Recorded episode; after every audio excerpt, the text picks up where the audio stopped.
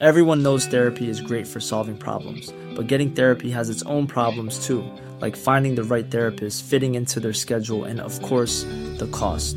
Well, BetterHelp can solve those problems. It's totally online and built around your schedule. It's surprisingly affordable too. Connect with a credentialed therapist by phone, video, or online chat, all from the comfort of your home. Visit betterhelp.com to learn more and save 10% on your first month. That's BetterHelp, H E L P. Hey, I'm Ryan Reynolds. Recently, I asked Mint Mobile's legal team if big wireless companies are allowed to raise prices due to inflation. They said yes. And then when I asked if raising prices technically violates those onerous two year contracts, they said, What the f are you talking about, you insane Hollywood ass? F- So to recap, we're cutting the price of Mint Unlimited from $30 a month to just $15 a month. Give it a try at mintmobile.com slash switch. $45 upfront for three months plus taxes and fees. Promo rate for new customers for limited time. Unlimited more than 40 gigabytes per month. Slows. Full terms at mintmobile.com. I'm Sandra, and I'm just the professional your small business was looking for. But you didn't hire me because you didn't use LinkedIn jobs. LinkedIn has professionals you can't find anywhere else, including those who aren't actively looking for a new job but might be open to the perfect role, like me. In a given month, over 70% of LinkedIn users don't visit other leading job sites. So if you're not looking on LinkedIn, you'll miss out on great candidates like Sandra. Start hiring professionals like a professional. Post your free job on linkedin.com/people today. Helt siden de første menneskene slo seg ned i Trøndelag, har det blitt observert underlige lys over Hessdalen. Fenomenet har blitt forsøkt bortforklart som syner sett av bygdetullinger og deliriske hallusinasjoner forårsaket av den lokale drikkekulturen. Men det skulle vise seg at fenomenet stakk langt dypere, når Hessdalen-fenomenet fikk verdensomspennende oppmerksomhet i ufo-miljøet på 1980-tallet. Fenomenet er fremdeles der, og det er fremdeles like uforklarlig som den gang.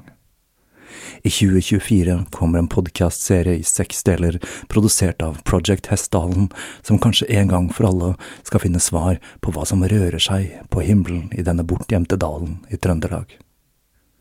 Serien har som seg hør og bør fått tittelen A Blaze in the Northern Sky, og den kommer til din favorittpodkastavspiller i 2024.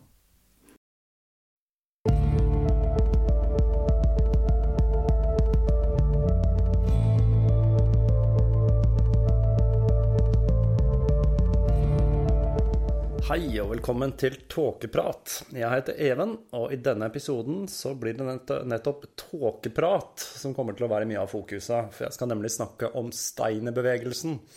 Og er det noe som kjennetegner steinerbevegelsen, så er det nettopp tåkeprat. Um, som de fleste andre så har ikke jeg hatt noe forhold til uh, steinerbevegelsen. Uh, jeg var klar over selvfølgelig at uh, vi har noe som heter steinerskoler. Og jeg var også klar over at Rudolf Steiner hadde en tilknytning til eh, teosofene og madame Blavatsky. Utover det så hadde jeg vel laget meg en historie om at eh, han må ha blitt interessert i pedagogikk, siden han ville starte sitt eget skolesystem og lage et alternativ til eh, den vanlige folkeskolen.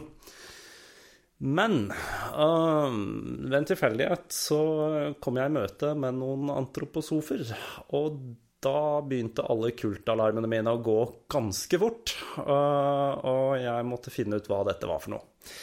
Så jeg begynte da selvfølgelig å lete litt på nettet. Og da viste det seg at det finnes en rekke organisasjoner for um, foreldre av øh, barn som tidligere har gått på Steinerskolen, og folk som har brutt med det antroposofiske miljøet og er blitt utstøtte av miljøet. Eh, Vi har også en sånn organisasjon i Norge som eh, man kan finne på steinerkritikk.no. De trenger å oppdatere nettsidene sine, men eh, bortsett fra det, så er det en fin side. Den er drevet av Kristin Sandberg og Trond Christoffersen, og de publiserte en bok i eh, 2010 som heter 'Det de ikke forteller oss Steinerskolens okkulte grunnlag'.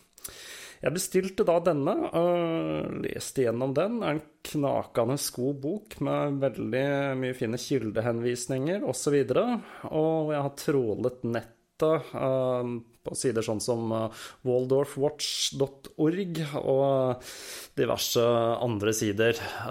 Det som er veldig spesielt, er at når man går inn på f.eks. Wikipedia, sjekker leksikon og den type ting, så vil du finne at det som står om antroposofi og steinerskoler der, i stor grad er skrevet av antroposofene selv. Uh, som for, for, sammenligning så sjekket jeg litt om uh, Elron Hubbard og syntologien, og der finner jeg mye av det samme. Hvor uh, syntologene skriver om, om Elron Hubbard, så han fremstår som veldig mye seriøs enn det han egentlig var.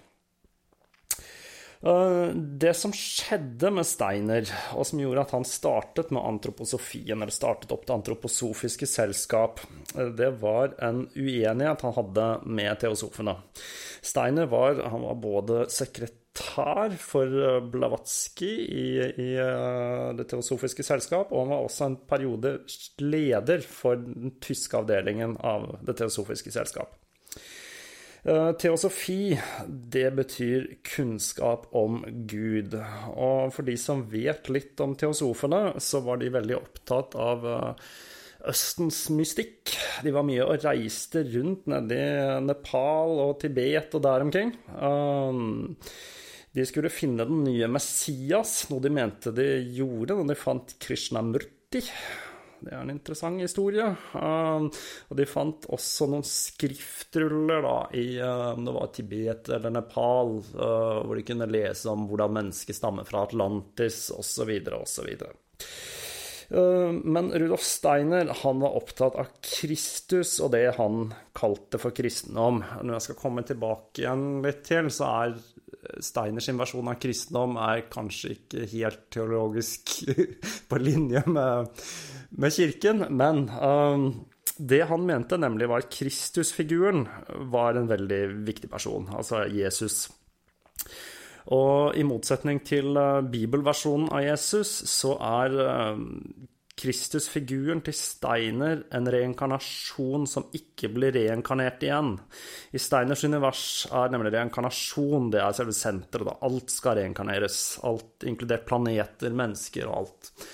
Og ifølge Steiner så er det noe sånt som at når Jesus døde, så ble det reinkarnert to sjeler i Kristus på samme tid.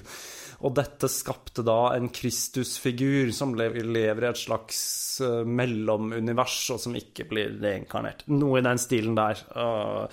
Det er egentlig ikke så fryktelig spennende, men det var i hvert fall det som var den store krangelen, som gjorde at han brøyt med teosofene, og så startet han Det antroposofiske selskap i 1912. Antroposofi betyr da kunnskap om mennesket, i motsetning til teosofi, som er kunnskap om Gud. Steiners lærdom, eller uh, alt han hostet opp, for å si det sånn, uh, kommer av hans klarsynthet.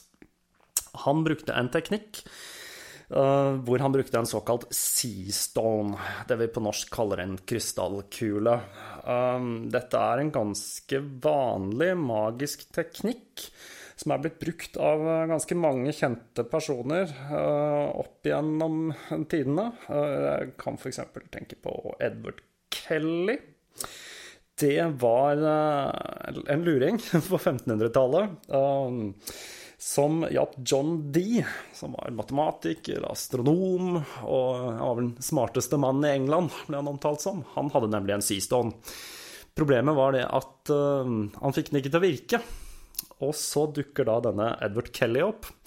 Og han var en notorisk svindler. Han hadde til og med blitt dømt for bedrageri, så han har fått skåret ørene av seg. Uh, og han var liten og stygg og i det hele tatt. Men han kan se denne seastolen, Og um, det er en merkelig historie, for John Dee uh, var en smart fyr. Altså den smarteste i sin tid. da. Men allikevel så faller han for dette her, og Edward Kelly uh, ser engler og demoner og får uh, masse informasjon da via denne Seastonen. Noe som er publisert i verkene til John Dee, og noe som har ført til bl.a. det enokianske alfabetet, englespråket, som er blitt brukt senere av bl.a. Church of Satan. En annen kjent person som, eh, som brukte Seastone, var eh, Joseph Smith, grunnleggeren av mormonkirken, kirken, og han som skrev Mormons bok. Han hevdet da, når han var 14 år gammel, at han hadde funnet gylne tablåer, og disse kunne han da lese ved hjelp av en Seastone. Uh, han, fant, uh, han leste da bl.a. at uh, de amerikanske indianerne var den tapte stammen til Israel, osv., osv. Det er det som er mormonerne den dag i dag. Blitt gjort mye narr av bl.a. South Park, og med, med en fantastisk musikal av Matt Parker og Trey Stone. Uh, Ed og Lorraine Warren de har også et uh, Seastone, eller i, i tilfelle dem så det et magisk speil som de har uh, i det okkulte museet sitt. som en mann i en sak de var involvert i, brukte til å kommunisere med demoner og få oppfylt ønskene sine. Det gikk etter hvert galt, og så kom Ed Lorraine inn og tok, overtok dette speilet, da. Og så er det selvfølgelig Snøhvit, da et eventyr som visstnok skal være løselig basert på Elisabeth Bathory. Speil, speil på veggen der. Så dette er en veldig gammel teknikk. Det Steiner sier han gjorde, var at han reiste inn i Hinsedet, og der kunne han lese i Akasha-krøniken. Akasha-krøniken er da livets bok, hvor han kan lese åndelige sannheter. Og alt Steiner eh, sier og har sagt, alt er, kommer da fra denne Akasha-kroniken, så de er urokkelige, åndelige sannheter. I Steiners univers um, det, det, er veldig mye å ta tak i i, i, uh, i Steiners univers. Han har jo skrevet ca. 400 bøker og han dekker alt fra altså, landbruk, bankvesen, utdannelse, arkitektur, trossamfunn osv., osv. Og, og skapelsesteori og hele pakka. Um, det kan være litt interessant kanskje å se på skapelsen hans. Altså, antroposofene tror ikke på um, ordinær evolusjonslære. De tror på en degenerering av den høyere rase. Ifølge Steiner var nemlig det urmennesket Det var den ariske rase, eh, eller den høye, hvite, blåøyde mann og kvinne, i Atlantis. Og alle de lavere raser, dvs. Si de ikke-hvite, er degenereringer av den opprinnelige hvite rasen. Dyr er enda lavere igjen. Altså, så alt, alle levende vesener kommer da fra denne urskapningen i Atlantis. Og det har eh, mange beskyldninger om rasisme mot antroposofene har kommet fram i forbindelse med denne her uh, degenerasjonsteorien hans. Eller teori og teori Visjon. Visjon er vel mer riktig. Um, og tankegodset, med tanke på tiden dette, dette, ble skrevet i, er ikke spesielt originalt eller unikt. Og hadde dette vært f.eks. Eh, en annen forfatter som holdt på på den tiden, Robert E. Howard Han skriver en del ting som eh, er litt på kanten per i dag, men han er jo bare en fiksjonsforfatter, ikke sant. Skrev bl.a. Eh, Solomon Kane, som foregår i Afrika. Der er det mye artig språkbruk. Men siden Steiner da hevder at dette er åndelige, evige sannheter, så er ting litt mer problematisk. Og jeg kan ikke helt skjønne hvordan antroposofene kan forsvare øh, dette med det, med det grunnlaget. Steiners univers er fylt av naturvesener og engler. Øh, du har tre hierarkier, som er urånder. Der har du gnomer og nisser og troll. Og så har du engler, og det tredje hierarkiet er erkeengler. Her er det veldig mye artig å lese. Blant annet så mente Steiner at eh, jorda ble laget av gnomer fra månen. Um, fra den gamle månen. Jeg antar da at det er eh, forrige reinkarnasjonen av månen. Da kom gnomene ned og lagde jorda etter modell av den gamle månen. Gnomene på jorda, nemlig, det er de som gjør at eh, planter gror, ifølge Steiner. Uh, og så har du selvfølgelig den onde siden, som da er representert av Ariman. Ariman er Steiners Satan, og han er representert i teknologi og elektrisitet jeg får en viss assosiasjon til tolken av eh, Ariman. Jeg tenker da på Sauron. Det er mange som mener at Sauron og orkene og alt dette her hadde med den industrialiseringen som skjedde på den tiden tolken holdt på, og også med tanke på første verdenskrig. Eh, det er i hvert fall en litt sauronsk type eh, Satan, dette her, da. Og det gjør også at antroposofene er veldig skeptisk til teknologi og den type ting. Eh, noe som gjør seg gjeldende i Steiner-skolene også.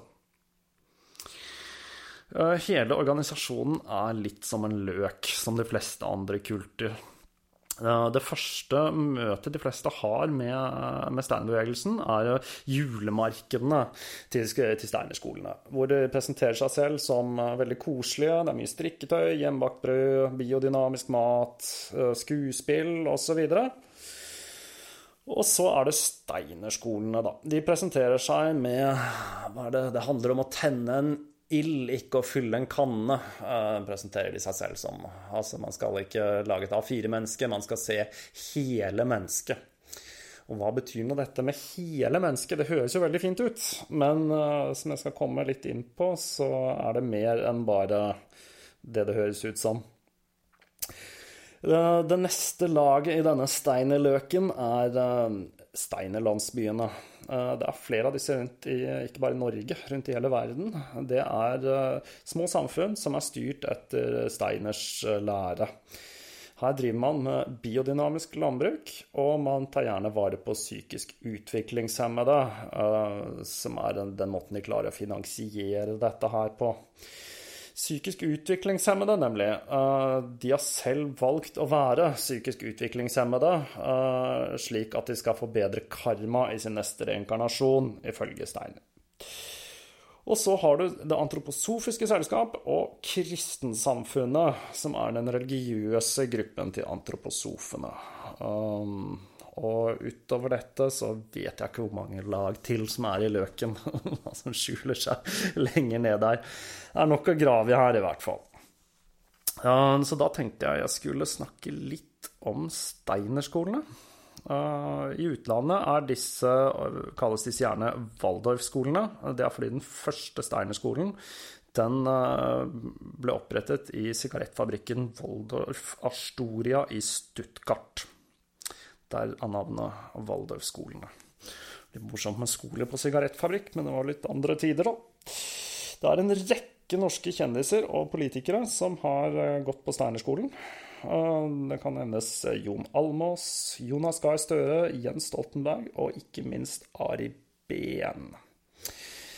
Uh, den mest kjente norske antroposofen er vel uh, Cato Schjøtz Pedersen, som har vært en veldig foregangsmann uh, for Steiner-skolene, Steiner-pedagogikk og alt dette her, og har skrevet mange bøker om dette.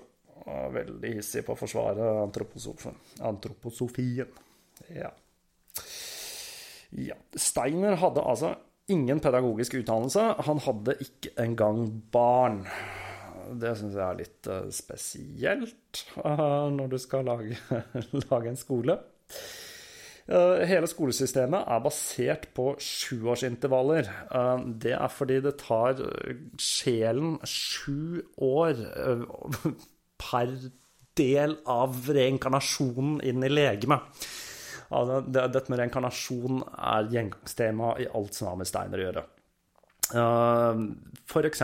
så har Steinerskolen fått eh, fritak fra seksårsreformen, nettopp fordi Steiner sier at barn ikke bør lære før etter den første tannfellingen, som gjerne skjer i sju års alder. Det er nemlig fryktelig usunt å lære ting før man har kommet til det stadiet i reinkarnasjonen. Jeg har tenkt mye på dette her. altså det er hvordan han har forestilt seg denne her reinkarnasjonen. Da, om det er som uh, å fylle en kanne, som de sier. For det, det, høres jo virkelig litt sånn ut, da, når det er forskjellige stadier, altså sju og sju år, da, som skal til før kroppen er fylt opp av uh, sjelen. Um, Utdannelsen Du har lærerutdannelsen til, til Steinerskolene. Det foregår på Rudolf Steiner-høgskolen. Og Der lærer man mye artig, annet noe som heter fysiognomisk pedagogikk. Der har du ordet gnom igjen, gitt. Der lærer man om de forskjellige temperamentene til barnet. Du har noe som heter hodemenneske, brystmenneske og stoffskiftemenneske. Det er veldig viktig for lærerne å gjenkjenne dette her og tilpasse undervisningen i forhold til eh, disse forskjellige kriteriene, da. For eksempel så kan eh, læreren se på hodet. Eh, da vil den lære om det fysiske legemet. Se på brystet. Da lærer man om eterlegemet. Og når barnet løper, så lærer man om astrallegemet. Denne teknikken er eh, alfa og omega da, for, for antroposofisk såkalt pedagogikk. Det finnes også antroposofiske klarsynte som reiser rundt og har noe som minner om vekkelsesmøter da, hvor de eh, analyserer folk ut ifra disse kriteriene etter hodeform osv. Det høres ut som en form for frenologi blandet med litt, litt forskjellig. Uh, en annen ting med disse stjerneskolene er at som jeg stadig leser om, er at de så fort går konkurs. Og det tror jeg henger sammen med at de har en flat lederstruktur. Så det er ingen som sitter f.eks. med overordnet økonomisk ansvar. Og det er mye økonomisk rot, da. Og det gjør at de tar til seg mange problembarn, altså barn med ADHD osv., og, så videre, og putter dem inn i vanlige klasser uten å ha noen spesiallærere til dette. Uh, antroposofene kurerer nemlig sånne ting med noe som heter eurytmi. Og eurytmi, hvis man uh, søker opp dette på Wikipedia, så står det jo enkelt og greit at dette er en kunstform som Rudolf Steiner oppfant en form for dans. Det høres veldig flott ut. Men eurytmi er en dans som skal balansere de indre organene mot planetene i kosmos for å gjøre legene og sjelen og alt dette her friskt. Så de kurerer ADHD med dans, uh, på samme måte som, om, uh, som skolene. De, er veldig glad i å fremstille seg som veldig kunstneriske, da. Men det er også kunstneriske innen Steiners rammer. Da går det mye akvarellmaling og den type ting. Og alt er veldig spesifikt i forhold til de antroposofiske prinsippene, da. Når det gjelder økonomi, ja, det er veldig vanlig at de som er lærere på Rudolf Steiner-skolene, de, de må jobbe mye gratis på fritiden sin. Og de blir trukket dypere og dypere inn i dette her som, som blir mer en slags livsstil for dem, da. Det har vært klaget på at uh, en del elever ved skolene ikke lærer å lese og skrive før de er i 10-11-årsalderen. Det kan f.eks. skyldes det at uh, Steiner mente at uh, hodebarn, dvs. Si barn som er glad i å lære tidlig, de det er fryktelig usunt. Det er fryktelig usunt, og det bør de ikke oppfordres til. Det gjør nemlig at sjelen ikke reinkarneres på riktig måte i kroppen. Og det kan føre til litt forskjellige, forskjellige ulemper da, for barna som skal lære her. Det er mange foreldre som velger å ha privatlærer ved siden av skolen, fordi de rett og slett ikke lærer det de skal der. Eh, skolene praktiserer morgenbønn, noe de kaller for morgenvers. Igjen er dette her tåkepratet deres. Jeg er glad i å late som om det er noe annet enn det det er. Og de har også en haug med ritualer. Det praktiseres både i landsbyene og på skolene, og dette er ganske dårlig fordekt ritualmagi fra Rudolf Steiner. Veldig mye fokus på erkeengler og den type ting. Så ja, det er egentlig det jeg har å si om uh, lær... Eller Steinerskolen, da. Jeg tenkte jeg skulle ta litt om Steiner landsby nå, for det var en ny ting for meg. Uh, det er da som sagt landsby hvor de driver med biodynamisk landbruk, og gjerne har psykisk utviklingshemmede. Eh, biodynamisk landbruk er et ord jeg har hørt mange ganger før, uten å ane hva det er for noe. Uh, kort fortalt så er det Steiners landbruk, og det er basert på åtte foredrag han holdt da noen spurte han om hva han mente om landbruk. Og som alt annet Steiner drev med, så var det ja, ja, herr doktor, hva mener de om landbruk? Og så går han inn på et rom og bruker seastonen sin og kommer ut da med masse greier da, om landbruk. For at noe skal være godkjent som biodynamisk landbruk, så er man nødt til å bruke fem magiske formularer som skal gi maten kosmisk energi. Et eksempel på disse er kuhorn med kumøkk. Det man skal gjøre da, det er at man skal ta hornet fra en melkeku fra den gården man er på. Man fyller da dette med eh, kumøkk, og så skal det graves ned i minimum seks måneder. Og dette her må vel da antageligvis gjøres i forhold til planetposisjoner osv. Etter seks måneder så graver man opp hornet, og så skal dette røres ut i et digert kar med vann. Og da skal det først røres kraftig mot høyre i en halv time, eh, så det danner seg virvler i vannet som suger inn kosmisk kraft. Så skal man uh, gjøre det andre veien, mot venstre, sånn at det samler seg enda mer kosmisk kraft. Og så skal man gjødsle avlingene med dette her, da. Og da skal man bruke fem gram per eh, hektar, ja, det det var i hvert fall noe latterlig av fem gram eller mindre per hektar. Latterlige små mengder, da. Rett og slett uh, homopatiske mengder vi snakker om her. I tillegg til dette her så hadde han fire andre preparater som er forskjellige blomster og sånn, som man uh, fyller i uh, dyreorganer, graver ned på samme måte og skal bruke i mikroskopiske mengder for at maten skal bli magisk. Er flott. De har en egen godkjenningsordning som heter Demeter. Uh, og her begynner det å bli litt shady igjen. Fordi Debio, som er den, den norske godkjenningsordningen for økologisk mat, den ble nemlig startet av en antroposof, Emil Mohr, i 1986. Debio er da satt sammen av ordet DE, som står for Demeter, og bio, som står for biologisk. Ah, det er eh, litt problematisk, for det var en ting jeg kom over på nettet. Det var veldig mange økologiske bønder som er sinna på antroposofene og uh, det biodynamiske landbruket, nettopp fordi de mener det er humbug. Og de ødelegger ryktet til det økologiske landbruket ved å sammensause disse to tinga. Uh, det er en ting jeg har sett i norsk debatt, og at dette her er veldig sammensausa. Ja, ja. Uh, og så har du noe som heter antroposofisk medisin. Og her er det masse greier, vet du. De er selvfølgelig vaksineskeptikere, sånn som de fleste sånne samfunn er. Og har da smitteringer hvor barna smitter hverandre. Og de er veldig opptatt av homopati homopati. Og for de som ikke vet hva homopati er, så er eh, homopati vann, basically. Det var en metode som ble utviklet av en Samuel Christian Hanemann. Og han fant ut at vondt skal vondt fordrive. Så han fant, del, fant ut at sykdom skal fordrives av stoffer som fremkaller symptomene som sykdommen har. Men siden de fleste av disse stoffene var ganske farlige, så fant han ut at de skulle fortynnes. Og siden da vann har magiske evner og kan huske eh, formen til disse stoffene, så skal man sitte og riste og blande ut disse stoffene til det er ingenting igjen av dem. Uh, og så tar man dette vannet uh, og drypper på sukkerpiller, og kabom, der har du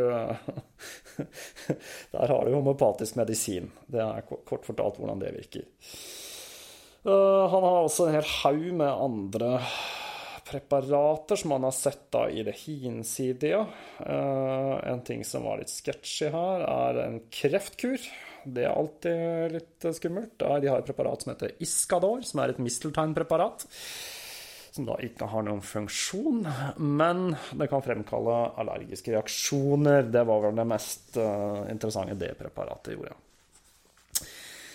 Og han har veldig mange artige ideer da, om menneskekroppen og hvordan den virker.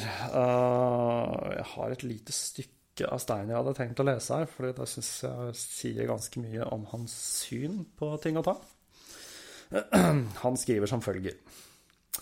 Jeg kom nylig inn i en bokhandel i Basel. der fant jeg den nyeste brosjyre over det som blir trykket. En negerroman. Om hvorledes nu negerne etter hvert i det hele tatt kommer inn i Europas sivilisasjon. Det blir oppført negerdanser overalt. Hoppes negerdanser. Men vi har jo til og med allerede denne negerroman. Den er gørr kjedelig, grufullt langdryg, men folk sluker den. Jeg for min del er overbevist om at vi videre får et antall negerromaner, og gir vi de svangre kvinner disse negerromaner å lese, navnlig i svangerskapets første tid, da de jo nettopp kan utvikle slike lyster, da behøver det ikke å sørges for at det kommer negere til Europa for at det skal oppstå mulatter. Da oppstår det ved ren åndelig lesning av negerromaner et helt antall barn i Europa som er helt grå. De vil ha mulatthår og mulattlignende utseende. Det syns jeg er et flott lite stykke. Altså, det Steiner mener her, er at hvis uh, gravide kvinner leser såkalte negerromaner Jeg lurer fryktelig på hva en negerroman er. Uh, da får de mulattbarn. Det er uh, toppvitenskapelig. Ja. Nei, hva har jeg lært av alt dette her? Bortsett fra å bli litt sliten. Fordi uh, å lese Steiner og lese om antroposofi er litt som å se Ancient Aliens. Det er litt gøy først, men etter hvert så blir det fryktelig slitsomt med så mye tant og fjas. Steiner-bevegelsen er en godt skjult kult som utgir seg for å være en filosofisk retning. Eh, og den er godt innprentet i det norske samfunnet. Antageligvis for Norge var et av de landene der eh, Steiner faktisk reiste rundt og holdt foredrag. Hele antroposofien er basert på Steiners klarsyn. Så om man ikke tror Steiner var klarsynt og kunne lese i Akasha-kronikken, så er alt humbug. Og så enkelt er det. Men det aller mest spennende jeg har lært av Rudolf Steiner, det tror jeg må være at det er gnomer på månen.